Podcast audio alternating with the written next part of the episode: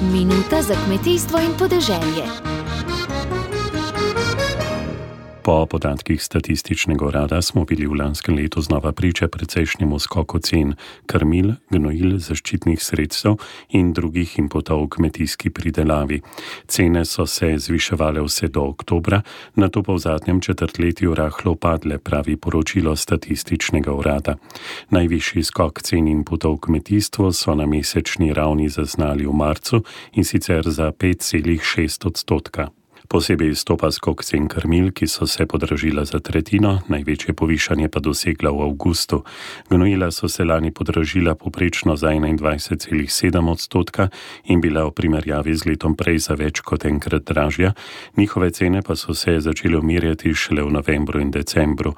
Po podatkih statističnega urada so se lani izraziteje zvišale še cene proizvodov in storitev za vzdrževanje zgradb in sicer poprečno za 18,9 odstotka, ter cene energije in maziv, kjer je bil skok 16 odstoten.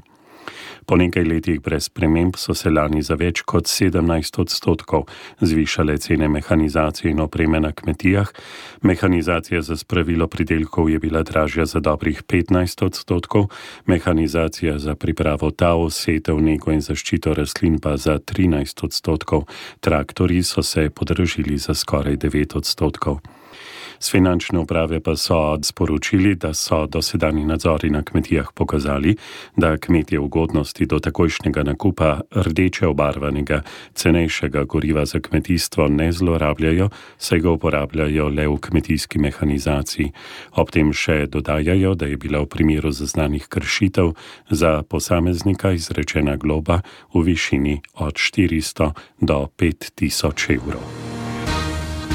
Dobro se je zavedati, kmetijstvo nas vse preživlja.